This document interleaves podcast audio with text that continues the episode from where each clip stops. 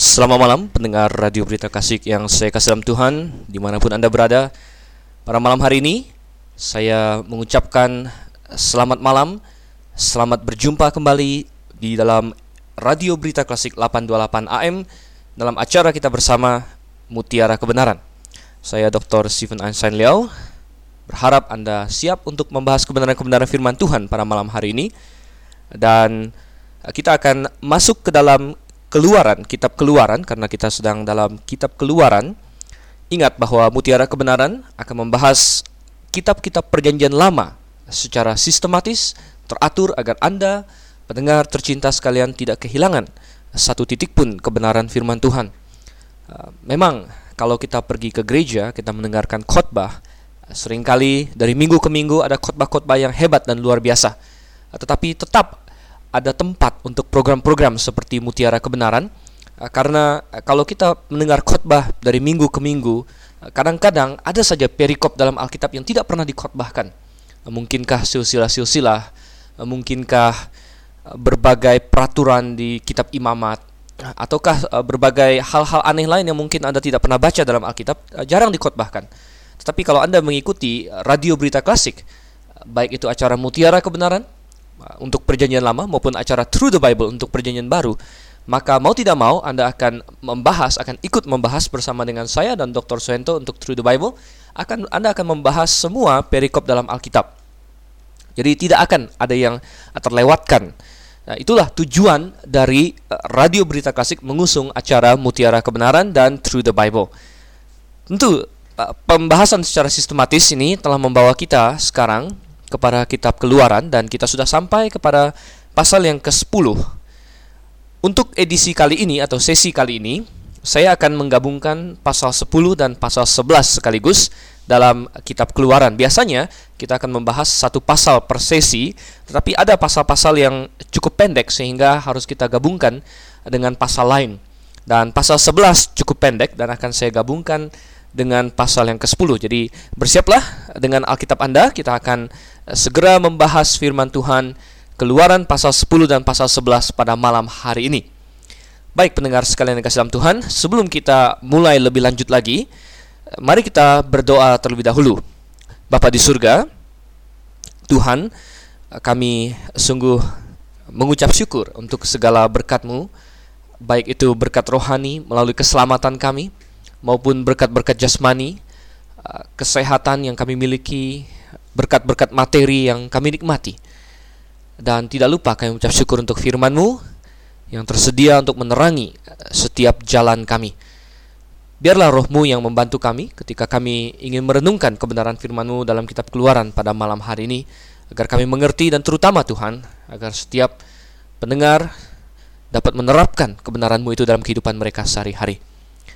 Kami berdoa hanya dalam nama Yesus Kristus saja, Tuhan dan Juru Selamat kami yang hidup. Amin.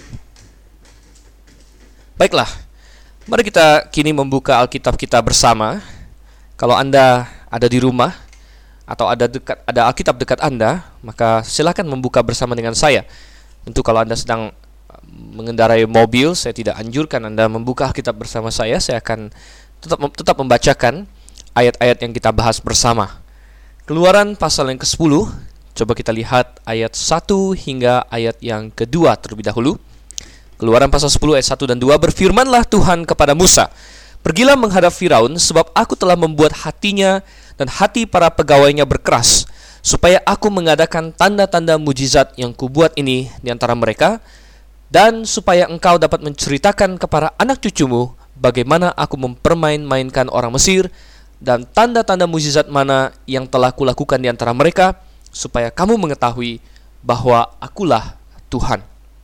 Sedikit kilas balik, kitab Keluaran menceritakan tentang keluarnya bangsa Israel dituntun oleh tangan Allah yang Maha Kuat. Ingat bahwa Yusuf telah membawa eh, bapaknya Yakub bersama dengan keluarga yang lain turun ke Mesir untuk menghindari kelaparan, tetapi kemudian mereka menjadi budak di sana setelah Yusuf mati dan bangkit Firaun baru yang tidak mengenal Yusuf sama sekali dan tidak mengenal Yusuf bukan berarti dia lupa siapa Yusuf tapi sejarah Mesir mencatat ada pergantian dinasti kira-kira pada tahun-tahun itu di mana pada waktu Yusuf berkuasa kemungkinan adalah dinasti Hyksos yang berkuasa di Mesir. Dinasti yang Hyksos ini adalah dinasti orang-orang asing. Dan uh, suatu ketika terjadi pemberontakan dan dinasti Hyksos berhasil dikalahkan dan uh, pemerintahan Mesir kembali lagi ke tangan orang-orang Mesir pribumi. Tentunya orang-orang Mesir pribumi yang selama ini mungkin merasa terjajah oleh dinasti Hyksos yang merupakan orang-orang asing akan melampiaskan amarah mereka kepada semua orang asing termasuk anak-anak Israel yang ada di negeri Mesir pada waktu itu. Dan segera mereka menjadi budak dan perbudakan mereka berat sekali dan Alkitab mencatat bahwa teriak mereka akhirnya sampai kepada Tuhan dan Tuhan mempersiapkan seorang yang akan dia pakai untuk menyelamatkan orang Israel. Orang itu tidak lain adalah Musa dan kita telah membahas di pasal 3, pasal 4 tentang pemanggilan atas Musa dan kita uh, teruskan kemudian di pasal 6 bagaimana Musa menghadap Firaun dan uh, Firaun menolak mentah-mentah untuk melepaskan orang Israel. Bagaimana tidak, Saudara? Sekitar 600 ribu orang yang 20 tahun ke atas tercatat sebagai orang Israel 600 ribu budak 600 ribu tenaga kerja yang tidak harus anda bayar belum termasuk dengan anak-anak dan wanita-wanita mereka yang mungkin dipekerjakan juga di bidang-bidang lain Total-total diperkirakan ada sekitar 2 juta orang Israel yang meninggalkan Mesir. Sekitar 2 juta orang yang bekerja bagi Anda, yang menghasilkan devisa, yang tidak usah engkau pedulikan hak-hak asasi manusianya, yang bisa Anda peras tenaganya, dan Anda kalau melepaskan 2 juta orang demikian, maka ekonomi Anda jelas akan runtuh. Ya. Belum lagi orang Mesir selama ini tentunya sudah terbiasa untuk tidak rajin karena mereka mengandalkan budak-budak mereka. Mereka sudah tidak terbiasa dengan pekerjaan-pekerjaan yang kelas bawah eh, dan mereka tentu eh, Firaun harus menimbang-nimbang. Benar, eh, pilihan dia sangat berat bahwa dia harus melepaskan orang Israel itu adalah suatu keputusan politik ekonomi yang luar biasa penting. Dan oleh karena itu Firaun menolaknya. Tetapi Eh, dia harus tahu dengan siapa dia berhadapan. Dia berhadapan dengan Tuhan. Dan dengan pongah dia berkata bahwa siapa Tuhan?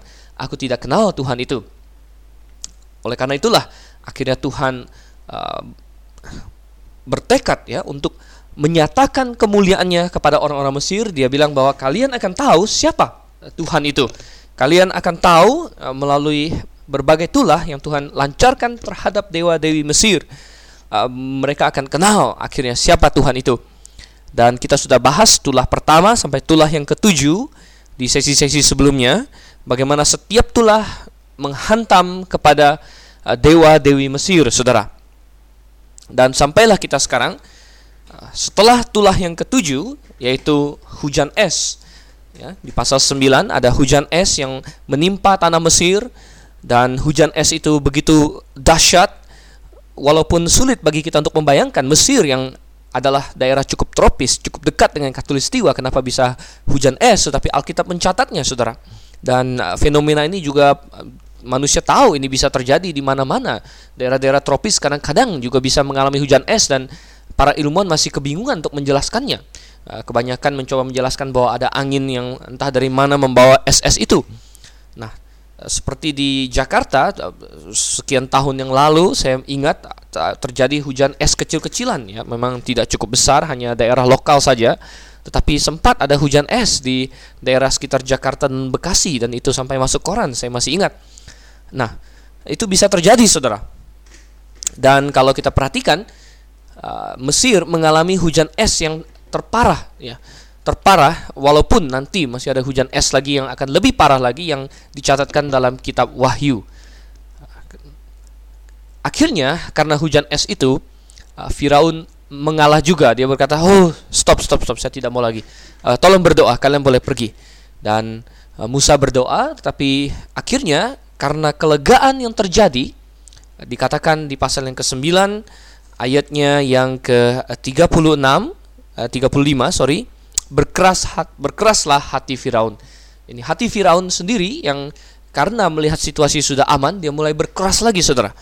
Ah, dia tidak mau uh, mengalah kepada Tuhan. Dan akhirnya mengantar kita kepada pasalnya yang uh, ke-10. Kita lihat di sini. Uh, Tuhan berfirman, Aku telah membuat hatinya dan hati para pegawainya berkeras katanya. Di sinilah kita mendapatkan baru satu ayat sebelumnya, pasal 9 ayat yang ke-35 dikatakan hati Firaun sendiri yang berkeras, tapi di ayat di pasal 10 ayat pertama dikatakan Tuhan yang membuat hatinya berkeras. Jadi kita melihat di sini eh, Tuhan eh, tidak membuat Firaun menjadi robot, Tuhan tidak membuat suatu keputusan memaksa Firaun untuk berkeras hati walaupun sebenarnya Firaun mau bertobat, jauhlah dari Tuhan untuk melakukan hal itu. Tuhan membuat pribadi yang uh, memiliki kehendak bebas dalam diri manusia dan kehendak bebas itu manusia pakai untuk mengeraskan hatinya. Firaun memakai kehendak bebasnya untuk mengeraskan hatinya. Dan Tuhan menambahkan itu, ya, mengeraskan hatinya juga. Dan kita bisa melihat ini sebagai satu paket, saudara. Tuhan mengeraskan hati Firaun tentunya bukan dengan menyetel dia bahwa dia tidak bisa bertobat, ya, atau bahwa dia disetel jadi robot. Pokoknya kamu kalau mau bertobat tidak bisa, bukan, saudara. Tuhan mengeraskan hati Firaun karena hati Firaun sudah terlebih dahulu mengeraskan diri, dan Tuhan mengukuhkan hal itu. Berbagai tulah yang menimpa ini juga, di mana Tuhan memberikan kelegaan. Setelah ada satu tulah, Tuhan memberikan kelegaan Nah, kelegaan-kelegaan yang Tuhan berikan juga bisa kita pandang sebagai cara Tuhan mengeraskan hati Firaun. Jadi bukan secara langsung membuat Firaun tidak bisa bertobat. Ah, Tuhan tidak pernah membuat siapa pun tidak bisa bertobat. Ya. Ah, adalah orang tersebut yang memilih untuk tidak bertobat. Ya. Kalau Tuhan yang membuat orang tidak bisa bertobat, maka kalau orang itu tidak bertobat, salah siapa saudara? Maka adalah salah Tuhan. Tetapi Tuhan tidak pernah bisa dipersalahkan. Tuhan selalu adalah Tuhan yang maha benar. Oleh karena itu dia tidak membuat orang tidak bisa bertobat. Yang ada adalah dia mengukuhkan orang tersebut dalam pilihannya sendiri. Di dalam Roma pasal 1 ada Rasul Paulus berargumen di situ bahwa orang-orang yang bejat ya, seperti orang homoseksual, orang-orang penyembah berhala dan ketika penghukuman Tuhan dijatuhkan atas mereka, satu hal yang dikatakan adalah Tuhan menyerahkan mereka kepada hawa nafsu mereka. Jadi salah satu penghukuman Tuhan atas manusia adalah Tuhan membiarkan manusia itu uh, ikut dalam kesesatannya sendiri. Tuhan tidak lagi bekerja untuk menarik dia kepada kebenaran atau Tuhan membiarkan dia dalam jalan kesesatannya. Itu adalah penghakiman, Saudara. Jadi Tuhan tidak perlu untuk mengontrol kehendak bebas manusia Tuhan menjadikan dia robot, tidak usah. Uh, tetapi dengan Tuhan membiarkan dia saja, maka dia ikut dalam kesesatannya sendiri dan itu adalah suatu penghakiman yang luar biasa. Dan kita lihat di sini Tuhan berkata, ya Tuhan berkata bahwa salah satu tujuan dia melakukan berbagai tulah di Mesir adalah supaya nama Tuhan semakin dimuliakan dan supaya orang Israel memiliki suatu pelajaran atau menangkap suatu pelajaran. Ingat bahwa di dalam ah, sekolah kita biasanya agar belajar sesuatu harus diulang dan diulang dan diulang dan diulang.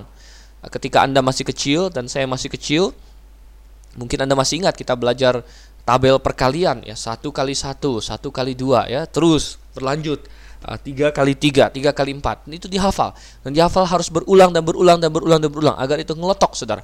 Agar uh, sambil tidur pun kalau dibangunin berapa tujuh kali tujuh langsung bisa jawab 49 ya, pengulangan. Harus ada pengulangan dan tulah-tulah ini diberikan supaya uh, kemuliaan Tuhan semakin berlipat ganda dan pelajaran bagi bangsa Israel nanti semakin diulang dan diulang dan diulang lagi. Jadi dikatakan Eh, aku membuat ini supaya katanya engkau dapat menceritakan kepada anak cucumu eh, bagaimana aku mempermain-mainkan orang Mesir katanya. Jadi kemuliaan Tuhan di sini. Jadi ada orang yang sinis dan berkata, "Ah, lihat betapa Tuhan eh, pilih kasih kepada orang Israel, betapa Tuhan jahat sekali kepada orang Mesir, dia mempermain-mainkan orang Mesir." Saudara kita harus sadar bahwa uh, Tuhan kadang-kadang memiliki lebih dari satu tujuan dalam berbuat satu hal ya. Kepada bangsa Israel, tujuan Tuhan berulang-ulang membuat tulah demi tulah adalah untuk kemuliaan namanya dan supaya ada cerita bagi anak-anak Israel. Tetapi bagi bangsa Mesir, eh, Tuhan memiliki tujuan lain. Kenapa dia mengadakan banyak tulah? Yaitu untuk memberikan mereka kesempatan untuk bertobat, saudara. Ya, kalau Tuhan mau jahat, maka dengan satu tulah saja mereka semua sudah mati. Uh, tapi Tuhan tidak, Tuhan berikan tulah yang ringan dulu pertama bahkan. Lihat betapa kasih karunia Tuhan sebenarnya. Uh, tulah yang ringan-ringan dulu kita sudah bahas bagaimana tulah-tulah ini dibagi menjadi tiga grup ya. Tiga grup, empat grup sebenarnya, tapi yang terakhir itu tulah ke sepuluh itu spesial. Uh, tiga grup awal yaitu satu dua tiga, tulah satu dua tiga, tulah empat lima enam dan tulah tujuh delapan sembilan itu membentuk tiga grup. Dan tiga grup ini menunjukkan peningkatan uh, kehebatan atau uh, peningkatan parahnya kerusakan yang terjadi di mana grup pertama biasanya tidak banyak kerusakan hanya hal-hal yang tidak mengenakan saja air berubah menjadi darah untuk sementara ya. Tentu belakangan dia kembali lagi menjadi air ya. Ada katak ada nyamuk ya, mulai grup kedua mulai terjadi kehancuran saudara. Terjadi kehancuran. Uh, ada lalat atau kumbang yang menggigit manusia kemudian ada barah yang membunuh hewan uh, melumpuhkan ekonomi Mesir tentunya. Kemudian ada uh, dikatakan di situ yang nomor 6 adalah barah yang yang menyerang manusia dan uh, bisa saja membunuh manusia. Dan grup yang ketiga adalah yang paling parah di mana hujan es yang menghancurkan banyak hal, membunuh ternak, membunuh manusia yang berada di luar padang. Dan juga kita lihat masuk ke yang ke delapan ini. Nah, apa yang ke delapan, saudara? Coba kita baca ayat yang ketiga hingga ayatnya yang keenam. Ayat 3 hingga yang ke-6, lalu Musa dan Harun pergi menghadap Firaun dan berkata kepadanya, Beginilah firman Tuhan Allah orang Ibrani, berapa lama lagi engkau menolak untuk merendahkan dirimu di hadapanku? Biarkanlah umatku pergi supaya mereka beribadah kepadaku. Sebab jika engkau menolak membiarkan umatku pergi, maka besok aku akan mendatangkan belalang-belalang ke dalam daerahmu.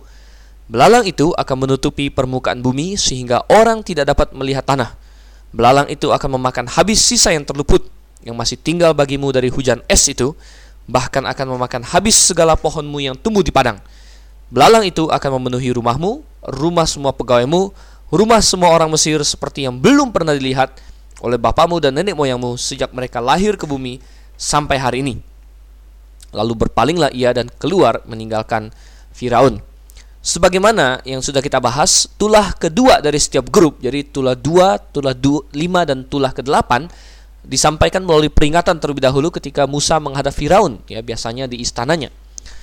Dan e, di sini Musa agak sedikit berpanjang lebar menegur dia dengan keras ya, sesuai dengan petunjuk Tuhan dan menunjuk kepada ketegar tengkukan Firaun dan menghimbau agar dia bertobat. Berapa lama lagi engkau menentang aku dan tidak merendahkan dirimu, saudara. Jadi kita lihat di sini bahwa permasalahan utama kenapa Firaun tidak mau melepaskan bangsa Israel adalah permasalahan kesombongan. Merendahkan diri kata Tuhan. Berapa lama lagi engkau tidak mau merendahkan dirimu? Permasalahan utama Firaun adalah kesombongannya dan bukankah itu adalah permasalahan utama manusia pada umumnya? Dosa kesombongan adalah dosa yang paling mendasar karena kesombongan intinya dia meningkatkan dirinya sendiri lebih dari yang seharusnya. Dia mengagungkan dirinya sendiri lebih daripada seharusnya. Iblis jatuh karena dia sombong, dia ingin menjadi Allah. Dia ingin menjadi sesuatu yang lebih daripada hakikat dirinya. Demikian juga manusia yang adalah ciptaan yang tidak seharusnya menentang Allah. Ketika dia berdosa, dia menentang Allah dan dia berkata mengacungkan uh, mengacungkan tinju kepada Allah dan berkata, "Tuhan, saya mau melakukan terserah saya. Jangan kontrol saya." Maka dia telah menyombongkan diri. Dia telah berani menantang Allah dan Firaun di sini dia juga menyombongkan diri. Tetapi bukankah eh, kesombongan merupakan penyebab utama manusia tidak masuk surga, Saudara? Sungguh benar. Sebenarnya jalan keselamatan telah disediakan oleh Tuhan Yesus Kristus. Ketahuilah bahwa Yesus Kristus telah mati untuk semua dosa-dosa Anda. 2000 tahun yang lalu dia telah mati dan hal ini disaksikan oleh semua orang. Hal ini adalah hal yang dicatat ya baik oleh sumber-sumber di luar Alkitab maupun oleh empat orang muridnya, empat orang penginjil yang ikut dengan dia ataupun yang mencatatkan kejadian-kejadian itu dari orang-orang yang adalah saksi mata. Dan Yesus Kristus ya, membuktikan dirinya sebagai Mesias anak Allah, Allah yang menjadi manusia melalui mukjizat-mukjizat yang dia lakukan dan terutama dengan bangkitnya dia dari antara orang mati. Dan kebangkitan Yesus dari antara orang mati adalah peristiwa yang paling baik didokumentasikan di seluruh dunia, bahkan lebih baik daripada hidupnya Alexander Agung, hidupnya Genghis Khan, hidupnya uh, Homer, pujangga Yunani, tetapi kebanyakan orang hari ini tidak memiliki masalah untuk mempercayai bahwa Alexander Agung pernah hidup. Dan tidak memiliki masalah mempercayai bahwa Genghis Khan pernah hidup tetapi banyak yang meragukan bahwa Yesus Kristus bangkit antara orang mati. Ini adalah karena mereka tidak mau menerima bukti-bukti yang ada, saudara. Padahal bukti-bukti bahwa Yesus benar mati dan kemudian bangkit kembali lebih banyak daripada bukti-bukti tadi saya katakan tentang Homer, tentang Alexander Agung maupun tentang Genghis Khan. Nah, Yesus Kristus telah mati untuk semua manusia, termasuk untuk Anda. Dan dia berkata bahwa barang siapa mau bertobat, meninggalkan cara hidupnya yang sebelum mengenal Yesus, apakah agamanya yang dulu, apakah keterpautannya dengan dosa yang dahulu. Dia, kalau dia mau meninggalkan semua itu dan percaya menerima Yesus, maka dia memperoleh hidup yang kekal. Oh, ini adalah hal yang gampang, saudara. Tetapi berapa banyak orang yang binasa? Oh, tak terhitung banyaknya karena kesombongan. Mereka tidak mau merendahkan diri. Berapa lama lagi engkau tidak mau merendahkan diri? Engkau tidak mau mengakui Tuhan sebagai Tuhan yang pantas untuk mengatur engkau. Oh, manusia, dia ingin mengatur dirinya sendiri. Saya mau ke sana, saya mau ke sana, tapi dia tidak mau menuruti Tuhan yang seharusnya berhak untuk memberitahu dia bagaimana dia harus bertindak. Berapa banyak orang yang belum mau menerima kebenaran, bergabung dengan jemaat yang benar, Saudara, karena kesombongannya. Oh, saya belum bisa meninggalkan gereja yang salah, gereja saya yang lama dan bergabung dengan gereja yang benar. Oh, itu terlalu sulit. Oh, kesombongan, Saudara. Berapa banyak orang yang belum bisa meninggalkan agamanya yang lama untuk percaya kepada Yesus walaupun dia tahu Yesus adalah juru selamat dunia karena kesombongan. Masakan saya mengaku Yesus yang benar? Masakan saya mengaku uh, dulu saya salah? Oh saudara, kesombongan. Berapa lama lagi engkau akan uh, menyombongkan diri dan tidak merendahkan diri dan Tuhan mengancamkan hukuman kepada Firaun. Katanya belalang akan datang, belalangnya sedemikian banyak sehingga menutupi tanah dan akan masuk ke mana-mana dan belalang sudah yang kasih Tuhan adalah suatu musibah yang sangat ditakuti oleh orang-orang zaman dulu. Bagaimana belalang bisa membuat jatuh miskin satu kota atau satu negeri bahkan. Bagaimana belalang bisa membuat orang mati kelaparan. Bagaimana belalang bisa membuat uh, suasana yang penuh gembira, petani yang melihat tanamannya yang manis-manis, yang besar-besar, yang cakep-cakep, tiba-tiba menjadi tangisan yang terisak-isak karena semuanya habis dimakan oleh belalang-belalang itu. Berapa berapa banyak yang seperti itu? Memang belalang adalah musibah yang sangat ditakuti dan Tuhan mengancamkan hal itu. Berapa lama lagi engkau tidak merendahkan diri? Saudara, orang yang tidak mau menerima Yesus, merendahkan diri menerima Yesus, Tuhan juga berkata bahwa barang siapa yang tidak mengenal Yesus Kristus ketika dia mati, maka dia akan mati dalam dosa-dosanya dan dia akan dihukum dengan kekal, secara kekal di dalam neraka yang adalah api yang menyala-nyala. Jangan sia-siakan saudara. Jangan seperti Firaun yang terus menegarkan hatinya kalau Anda hari ini Tuhan ingin Anda bertindak. Bagaimana dengan orang-orang yang seharusnya bergabung dengan gereja yang benar, tapi eh, karena satu dan lain hal mereka tidak mau melakukan itu, eh, mereka menolaknya. Oh, tidak mau. Mungkin mereka tidak mau merendahkan diri dulu, saudara. Ah, apakah ada ancaman juga dari Tuhan? Sungguh, saudara Sungguh tentunya ada konsekuensinya. Memang kalau dia sudah percaya Yesus Kristus dia akan masuk masuk surga. Tetapi saudara, uh, tentu ya uh, ketika nanti di tata pengadilan Kristus ada banyak yang harus dia pertanggungjawabkan di hadapan Kristus. Ketika mata Kristus yang adalah bagaikan api menyala katanya menatap kepadanya dan menusuk jiwanya yang terdalam. Dan Tuhan dengan sedih akan bertanya kepadanya, "Mengapa engkau uh, tidak bergabung dengan gereja yang benar? Mengapa engkau tidak membela kebenaran? Mengapa engkau membela kesalahan? Ah, dan ah, kata-kata Yesus itu saya tidak bisa bayangkan dengan apakah saya akan menjawabnya kalau itu dituduhkan kepada saya. Mungkin saya hanya akan menggantungkan kepala saya dengan malu dan berkata, "Oh Tuhan, saya telah berdosa, ampuni saya." Dan memang kalau saya percaya Yesus, saya akan diampuninya. Tetapi sungguh betapa kesempatan yang luar biasa untuk bekerja bagi Tuhan, untuk berbuat sesuatu bagi Tuhan, untuk mendapatkan pahalanya akan hilang dari genggaman saya dan suatu penyesalan yang tak akan habis-habisnya mungkin dalam pikiran saya akan terbawa terus bahwa betapa saya seharusnya bisa lebih lagi untuk Tuhan. Saudara, coba kita lihat sekarang ayat yang ketujuh hingga ayat yang ke-11. Sesudah itu berkatalah para pegawai Firaun kepadanya, berapa lama lagi orang ini akan menjadi jerat kepada kita? Ah, biarkanlah orang-orang itu pergi supaya mereka beribadah kepada Tuhan Allah mereka. Belumkah Tuanku insaf bahwa Mesir pasti akan binasa? Lalu Musa dan Harun dibawalah kembali kepada Firaun dan berkatalah Firaun kepada mereka, "Pergilah, beribadalah kepada Tuhan Allahmu." Siapa-siapa sebenarnya yang akan pergi itu? Jawab Musa, kami hendak pergi dengan orang-orang yang muda dan yang tua, dengan anak-anak lelaki kami dan perempuan, dengan kambing domba kami dan lembu sapi kami. Sebab kami harus mengadakan perayaan untuk Tuhan. Tetapi Firaun berkata kepada mereka, Tuhan boleh menyertai kamu. Jika aku membiarkan kamu pergi dengan anak-anakmu, lihat, jahatlah maksudmu. Bukanlah demikian, kamu boleh pergi, tetapi hanya laki-laki.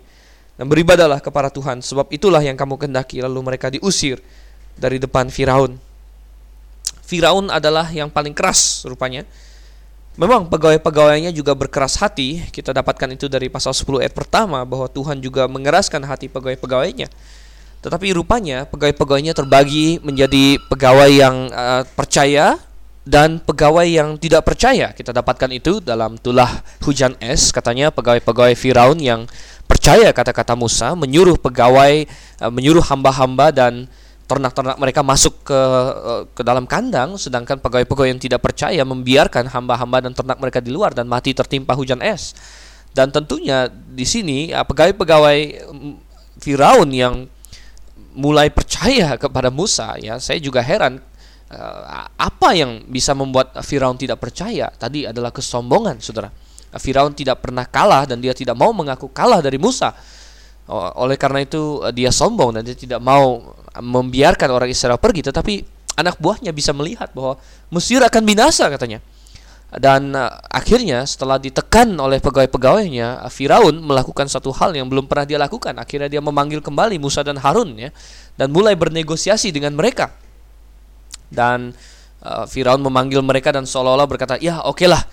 Uh, siapa-siapa sebenarnya mau pergi?" katanya. Uh, ini suatu taktik untuk menyelamatkan mukanya seolah-olah dia yang masih memegang kendali begitu. Eh, walaupun tentunya dia masih ingat tuntutan Musa dari awal ya, dan karena dari awal Musa sudah mengatakan bahwa seluruh orang Israel harus pergi. Dan Musa kembali mengulang di sini bahwa semua pergi. Tua, muda, anak-anak, kambing, domba, semua pergi. Dan kita melihat bagaimana Firaun mengejek mereka di sini. Tuhan boleh menyertai kamu jika aku membiarkan kamu pergi. Tentu dalam benak Firaun, ya, uh, mereka sebenarnya sama-sama tahu ya. Uh, Musa tahu, Firaun juga tahu bahwa sebenarnya yang dicari oleh bangsa Israel adalah kemerdekaan. Mereka ingin lepas dan Firaun takut bahwa kalau dia membiarkan orang Israel pergi ke padang gunung tiga hari perjalanan, mereka tidak akan kembali kembali lagi. Itu yang Firaun takuti, saudara. Dan Musa juga tahu sebenarnya tujuan akhir dari orang Israel bukan hanya untuk pergi tiga hari, tetapi untuk pergi untuk selama lamanya. Nah, ada orang yang mengklaim atau orang-orang kritik Alkitab yang berkata, nah di sini Musa kurang jujur atau Tuhan kurang jujur karena minta izinnya adalah pergi tiga hari, uh, tetapi nanti mereka pergi untuk selama lamanya. Tetapi di sini bukan tidak jujur, saudara. Kalau misalnya Firaun setuju dengan apa yang Musa katakan dan dia merendahkan hati dan dia membiarkan orang Israel pergi tiga hari lamanya dan tiga hari perjalanan kalau bolak-balik enam hari bersama dengan perayaan di situ mungkin sekitar 2 sampai 3 minggu maka orang Israel saya rasa akan kembali lagi ke Mesir. Tetapi ketika mereka kembali tentunya mereka akan menuntut lagi dengan tuntutan yang lebih tinggi bahwa mereka akan pergi sekarang. Dan waktu 2 sampai 3 minggu itu tentunya Tuhan akan pakai untuk melatih orang Mesir untuk hidup tanpa budak-budak mereka. Tetapi kenyataannya Firaun tidak pernah setuju sampai kepada akhirnya sehingga Eh, Tuhanlah yang membebaskan orang Israel secara langsung, bukan atas izin Firaun lagi. Nah, kita lihat, jadi Firaun eh, sebenarnya juga sudah mencurigai bahwa maksud awal dari orang Israel adalah untuk pergi kabur selama-lamanya. Oleh karena itu dengan sinis dia berkata, "Wah, kalau saya biarkan seperti itu sampai kambing domba, sampai anak-anak hilang semua, itu sih ya istilahnya bolehlah ya. Itu artinya saya bodoh begitu. Itu artinya uh, memang uh, kamu disertai Tuhan kalau begitu. Dan Firaun menawarkan kompromi di sini. Dia berkata sudah yang laki-laki saja yang pergi yang lain tinggal semua. Uh, nah di sini saudara yang Tuhan uh, Firaun uh, dihasut oleh iblis untuk menawarkan kompromi ini dan iblis yang berada di balik Firaun uh, tidak tinggal diam tetapi sampai kepada hari ini tetap menawarkan kompromi yang sama dia tetap datang kepada setiap orang percaya dan dia menawarkan kompromi yang sama. Pernahkah Anda ditawari kompromi ini oleh iblis, saudara? Oh, ya. Dia tidak ingin orang-orang percaya untuk pergi dengan seluruh keluarga menyembah kepada Tuhan. Tapi dia ingin berkompromi. Ya. Mungkin kepada bapak-bapak, suami-suami yang menjadi kepala keluarga. Iblis tidak ingin Anda membawa keluarga Anda dengan baik di hadapan Tuhan. Dia ingin anak-anak Anda tetap tinggal di dalam dunia ini. Bagaimana Anda mendidik anak-anak Anda? Ibu-ibu juga. Apakah Anda berpikir tentang masa depan anak-anak Anda? Kebanyakan orang berpikir tentang masa depan anak-anaknya, tetapi masa depan secara duniawi saja. Mereka memberikan edukasi pendidikan yang baik. Oh, itu bagus. Mereka memberikan kecukupan materi itu luar biasa. Tapi jarang yang memikirkan bagaimana dengan kerohanian anak-anak saya. Adakah Anda memikirkan itu, Saudara? Oh, iblis senang sekali untuk membuat Anda berkompromi. Oke, silakan. Orang tuanya sudah diselamatkan. Tetapi jangan sampai anak-anaknya ikut. Ya, boleh. Yang laki-laki saja pergi beribadah kepada Tuhan, katanya. Atau mungkin orang yang orang suami yang sudah kenal kebenaran, tetapi iblis saya lihat ini berulang dan berulang dan berulang kali lagi. Iblis biasanya kalau satu sisi apakah suami atau kayak istri ya, menerima kebenaran, maka iblis akan menghasut yang satunya lagi supaya tidak mau ikut dan dan iblis akan membuat dia puas dengan itu. Ya, silakan ya satu saja, jangan banyak-banyak. Eh, dan saudara, apakah kita mau berkompromi dengan iblis? Ya, jangan, saudara. Kalau ada anggota keluargamu yang belum mengenal Tuhan, beritakanlah kebenaran kepadanya. Tentu bukan dengan paksaan, bukan dengan kekerasan tetapi dengan penuh lembut ya. Uh, ajak dia dengar RBK ajak dia dengar Through the Bible ajak dia dengar mutiara kebenaran saudara.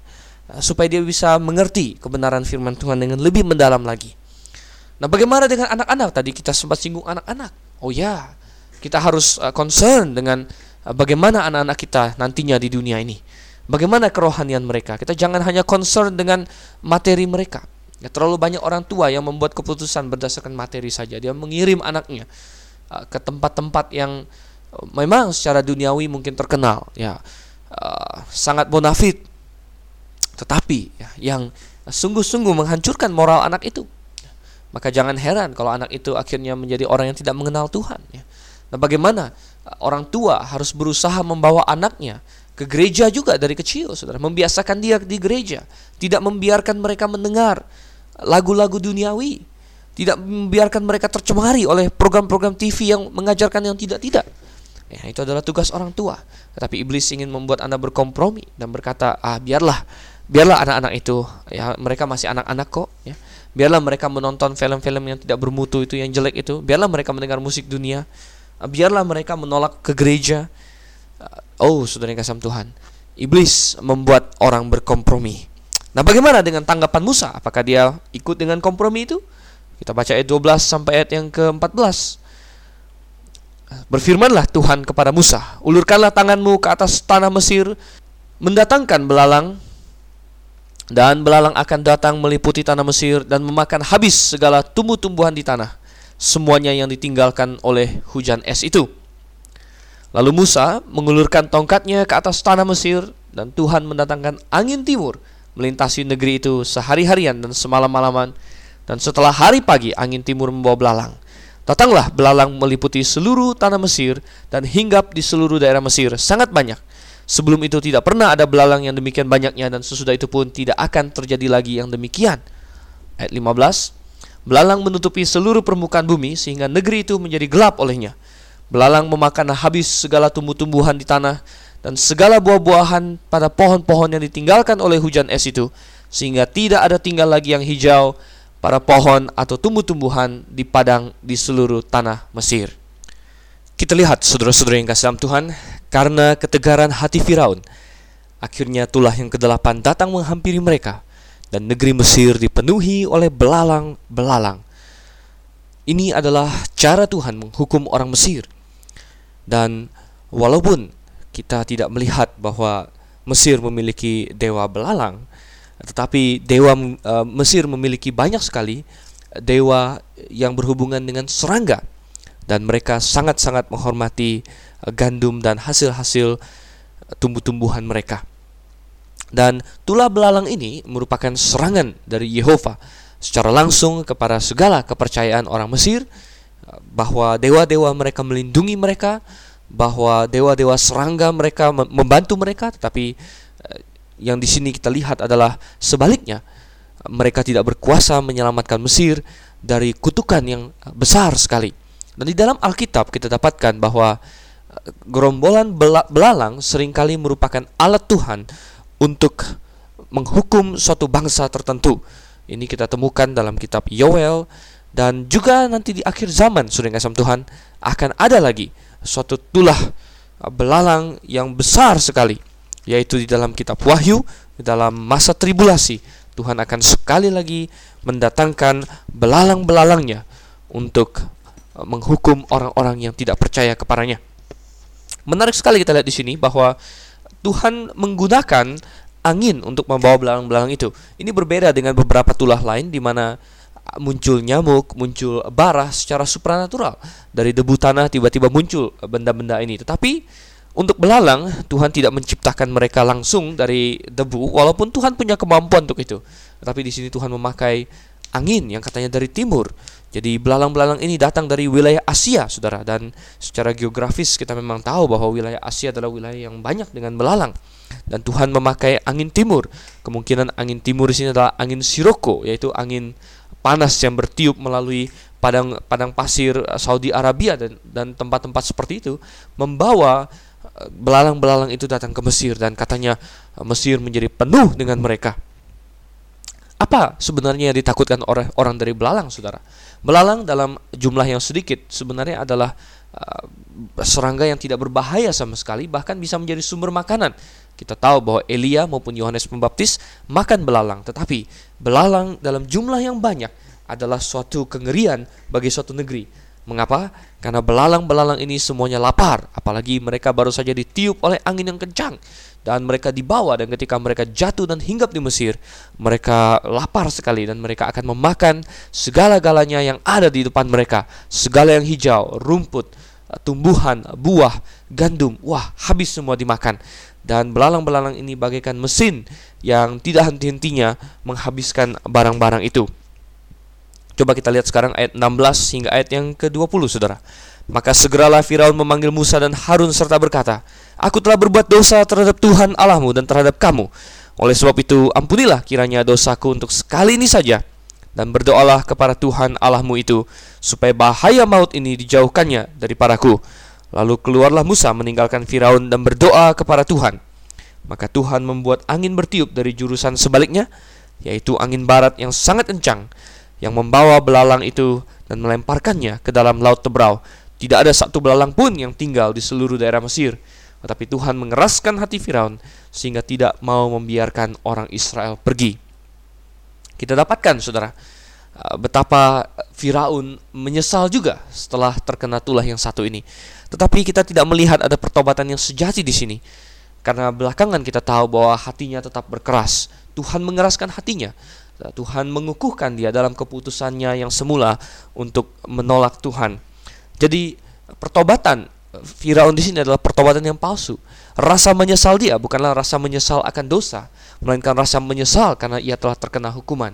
Tuhan, saudara, Tuhan tidak menginginkan penyesalan yang seperti itu. Tuhan ingin orang yang benar-benar. Apa arti bertobat, saudara? Bertobat artinya kita sungguh-sungguh melihat sesuatu itu dari sudut pandang Allah.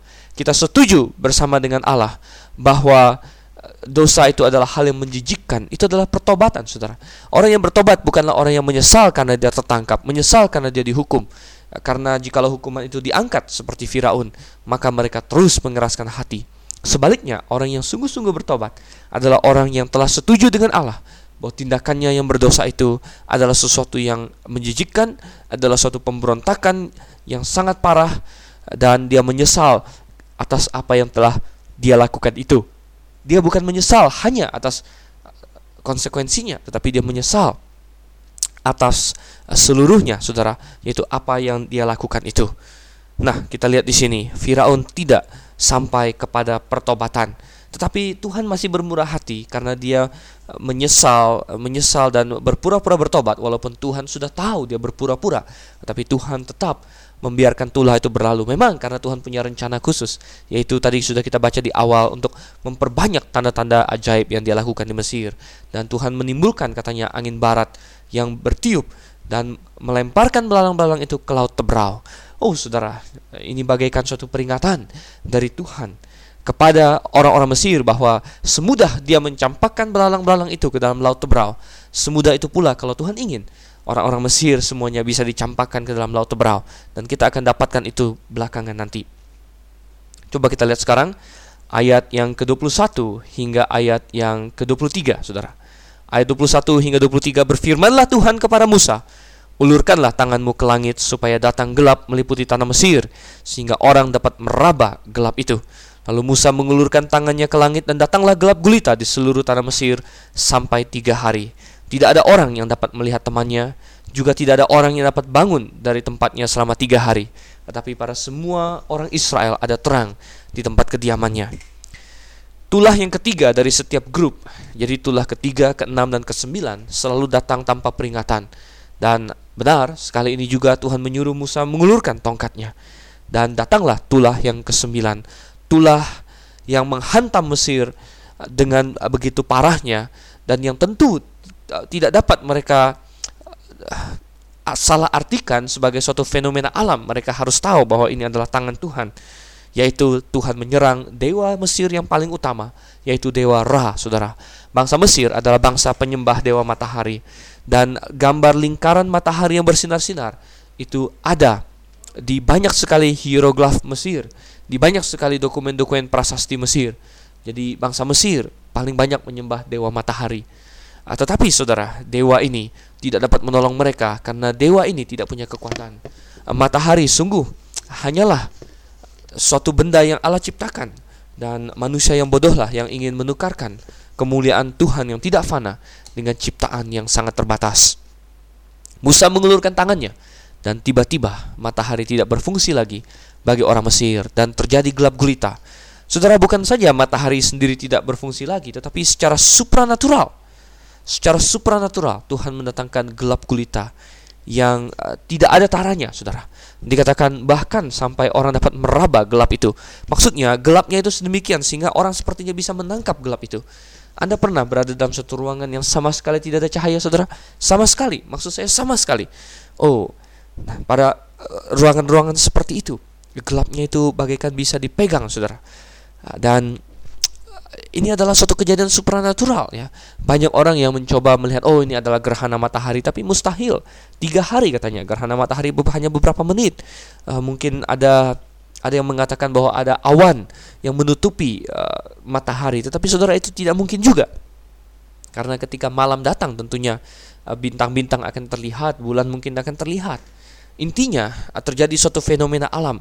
Mungkin ada suatu tabir ya, mungkin juga awan tapi awan yang tidak normal tentunya, awan yang abnormal, awan yang ilahi atau atau dengan mekanisme lain Tuhan menutupi semua uh, cahaya, semua sumber-sumber cahaya, matahari, uh, bulan dan bintang. Tetapi menutupinya sedemikian rupa hanya pada daerah tanah Mesir dan mengecualikan tanah Goshen. Nah mungkin ada orang yang kritis dan berkata, ah mana mungkin itu terjadi. Tapi saudara yang kasam Tuhan, uh, jangan manusia meninggikan diri dan merasa lebih tahu tentang alam semesta ini dibandingkan sang penciptanya. Kalau Allah mengatakan itu bisa dilakukan, maka kita harus tunduk. Dan saudara, eh, kegelapan ini rupanya juga uh, sangat supranatural.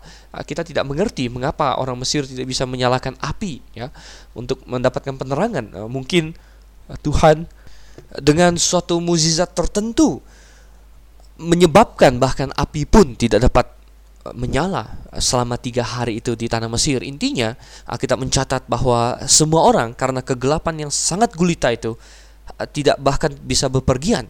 Mereka hanya diam saja di tempat mereka masing-masing dan mereka tidak dapat melihat temannya. Mungkin mereka bisa saling mendengar dan mereka tahu, tetapi eh, kegelapan sedemikian rupa sehingga mereka sama sekali eh, tidak bisa beraktivitas apa-apa.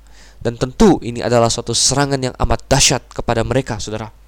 Dan ayat yang ke-24 dikatakan, Lalu Firaun memanggil Musa serta berkata, Pergilah beribadah kepada Tuhan, hanya kambing dombamu dan lembu sapimu harus ditinggalkan. Juga anak-anakmu boleh turut beserta kamu. Tapi Musa berkata, Bahkan korban sembelihan dan korban bakaran harus engkau berikan kepada kami supaya kami menyediakannya untuk Tuhan Allah kami. Dan juga ternak kami harus turut beserta kami dan satu kaki pun tidak akan tinggal Sebab dari ternak itulah kami harus ambil untuk beribadah kepada Tuhan Allah kami. Dan kami tidak tahu dengan apa kami harus beribadah kepada Tuhan sebelum kami sampai di sana. Tapi Tuhan mengeraskan hati Firaun sehingga dia tidak mau membiarkan mereka pergi. Lalu Firaun berkata kepadanya, "Pergilah daripadaku, awaslah engkau, jangan lihat mukaku lagi, sebab pada waktu engkau melihat mukaku, engkau akan mati." Kemudian Musa berkata, "Tepat seperti ucapanmu itu, aku tak akan melihat mukamu lagi." Saudara, kegelapan itu sedemikian mencekam sehingga uh, Firaun sekali ini uh, langsung mengambil tindakan bahwa ini tidak dapat ditolerir lagi dan dia harus segera membiarkan orang Israel pergi dan dia memanggil Musa mungkin dengan perantaraan orang-orang Mesir yang tinggal di dekat perbatasan Goshen saudara kita tahu di Goshen sendiri ada terang sehingga orang-orang Mesir yang tinggal di dekat perbatasan Goshen barangkali masih bisa menentukan arah ke arah Goshen dan mereka bisa berjalan pergi ke sana dan akhirnya mereka memanggil Musa dan Harun. Dan Firaun langsung berkata kepada mereka, "Ya, silakan pergi," katanya. Tetapi Firaun masih meninggalkan sisa kesombongannya. Dia masih ingin mengatur. Dia masih ingin tampak seolah-olah uh, dialah yang mengizinkan dan bukan terpaksa, Saudara. Dan dia berkata, eh, "Tapi ternak kalian harus tinggal." Oh, Firaun tahu sekali apa kebenaran yang dikatakan oleh Yesus Kristus, di mana hartamu berada, di situ hatimu berada. Kalau dia bisa menyebabkan orang Israel meninggalkan semua harta benda duniawi mereka di Mesir, maka dia bisa mengikat mereka kembali ke Mesir. Yesus pernah berkata, "Di mana hartamu berada, di situ hatimu berada." Sungguh saudara, tetapi kita melihat kompromi ini Musa tolak. Tidak bisa katanya. Uh, saya tidak mau karena kami harus membawa semuanya. Tuhan menuntut kami membawa semuanya. Saudara, iblis berusaha untuk menawarkan kompromi yang sama kepada Anda dan saya pada hari ini. Dia ingin berkata pertama-tama tentunya banyak sekali yang dia katakan. Dia ingin berkata kepada kita untuk mempersembahkan korban kepada Tuhan di Mesir kata saya. Itu adalah ajakan bagi kita untuk tetap hidup dengan duniawi, Saudara. Jangan pergi jauh-jauh katanya dalam kompromi yang kedua. Jangan pergi jauh-jauh. Dia tidak ingin kita giat untuk Tuhan. Dalam kompromi yang ketiga dia berkata, "Baiklah yang laki-laki saja. Anak-anak tinggal di sini." Tetapi itu pun adalah kompromi yang membahayakan. Tuhan ingin kita, seluruh dari kita, keluarga kita, kita bawa kepada Tuhan. ah, anak-anak kita, kita didik sesuai dengan firman Tuhan. Jangan kita tinggalkan di Mesir, saudara. Dan kompromi yang terakhir, akhirnya iblis berkata, silakan, kamu boleh pergi, tapi uh, jangan bawa hartamu. Investasikan di dunia ini. Jangan banyak bekerja untuk Tuhan uh, lihat dia menawarkan kesenangan duniawi anda bisa mendapatkannya dengan uang dunia ini ayo ayo dan dia berusaha membuat orang berkompromi dalam hal materi saudara entah berapa banyak orang Kristen yang diajak berkompromi seperti ini yang hatinya terpikat dengan harta dunia ini yang tidak tidak berani berkorban secara materi bagi Tuhan Padahal saudara, semua uang kita adalah milik Tuhan. Uh, kita sudah melihat betapa manusia adalah manusia yang lemah, saudara. Sedikit saja penyakit, maka barah bisa timbul, kanker bisa timbul, serangan jantung, stroke. Uh, kekuatan yang kita miliki untuk bekerja, kepandaian, uh, usaha, peluang-peluang yang kita dapatkan, itu semua adalah karunia Tuhan. Dan uang yang kita dapat, semua adalah milik Tuhan. Betapa baiknya Tuhan bahwa dia menyisakan 90% untuk kita pakai secara bertanggung jawab dan 10 persennya saudara uh, dia minta untuk dikembalikan secara khusus untuk pembangunan gereja lokal, untuk penyokongan uh, berdirinya gereja lokal, untuk membiayai pekerja-pekerja Tuhan, hamba-hamba Tuhan di sebuah gereja lokal yang alkitabiah. Dan berapa banyak orang yang tidak mau taat kepada program persepuluhan yang telah Tuhan tetapkan, tapi dia mau uh, keep sendiri, saudara. Oh, 10% berat katanya, padahal tidak berat, saudara.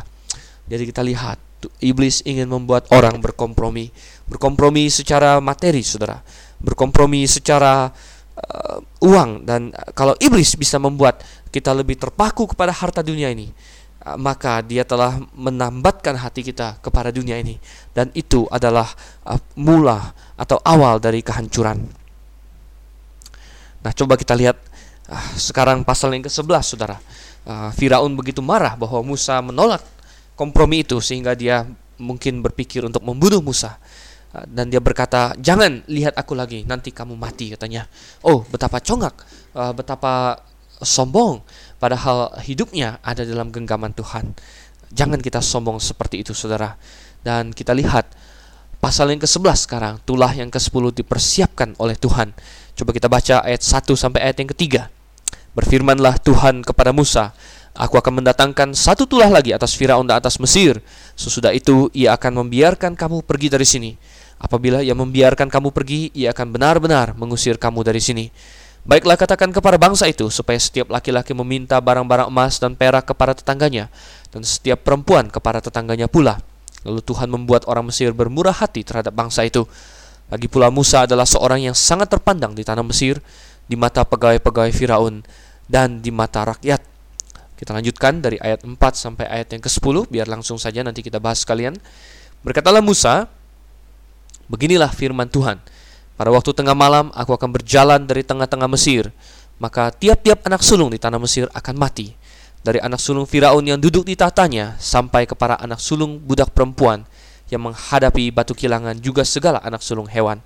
Dan seruan yang hebat akan terjadi di seluruh tanah Mesir seperti yang belum pernah terjadi dan seperti yang tidak akan ada lagi. Tetapi kepada siapa pun, kepada siapa juga dari orang Israel, seekor anjing pun tidak akan berani menggonggong baik kepada manusia maupun kepada binatang, supaya kamu mengetahui bahwa Tuhan membuat perbedaan antara orang Mesir dan orang Israel. Dan semua pegawaimu ini akan datang kepadaku dan sujud kepadaku, serta berkata, Keluarlah, engkau dan seluruh rakyat yang mengikut engkau, sesudah itu aku akan keluar. Lalu Musa meninggalkan Firaun dengan marah yang bernyala-nyala.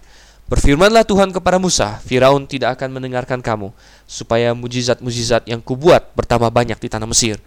Musa dan Harun telah melakukan segala mukjizat ini di depan Firaun, tetapi Tuhan mengeraskan hati Firaun sehingga tidak membiarkan orang Israel pergi dari negerinya. Tulah yang ke-10 dipersiapkan dan Tuhan berkata, satu tulah lagi katanya, maka dia akan menyerah.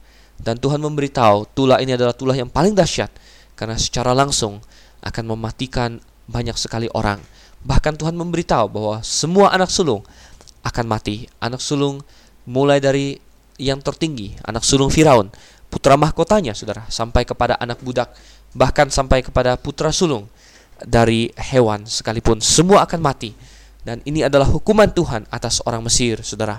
Sebagaimana orang Mesir uh, telah berusaha membunuh anak-anak laki-laki Israel, kini Tuhan membalikkannya kepada mereka. Bagaimana dengan anak-anak Israel? Oh, anak-anak Israel juga terancam mati karena malaikat maut akan lewat dan malaikat maut tidak membeda-bedakan antara orang Mesir dan orang Israel.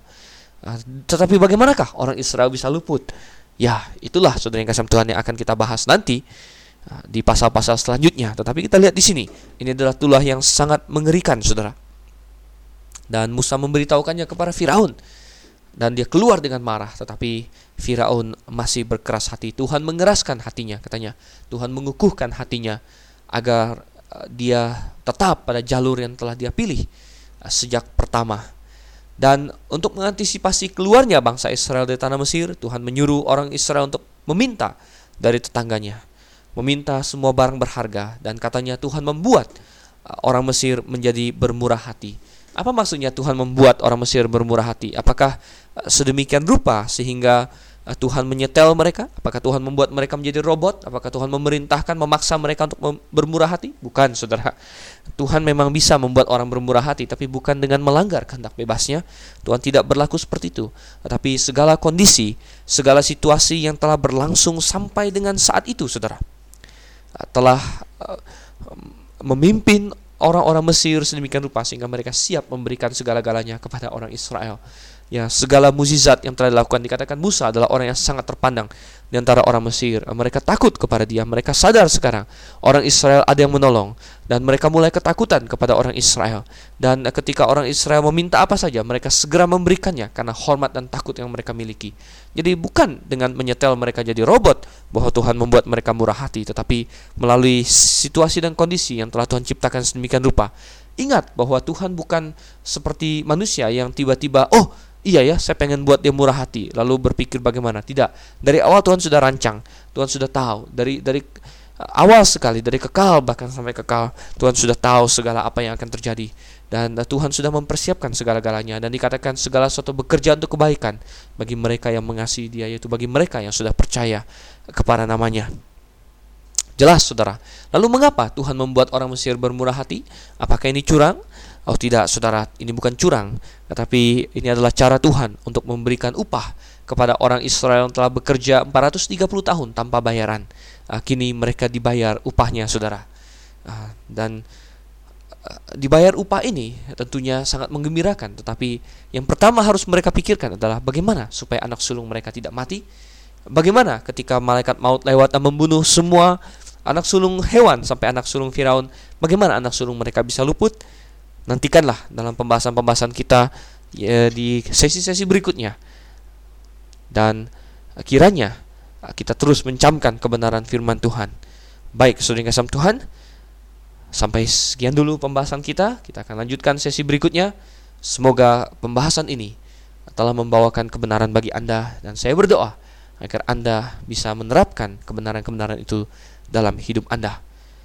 Saya Dr. Steven Anselio undur diri dulu. Selamat malam. Maranatha.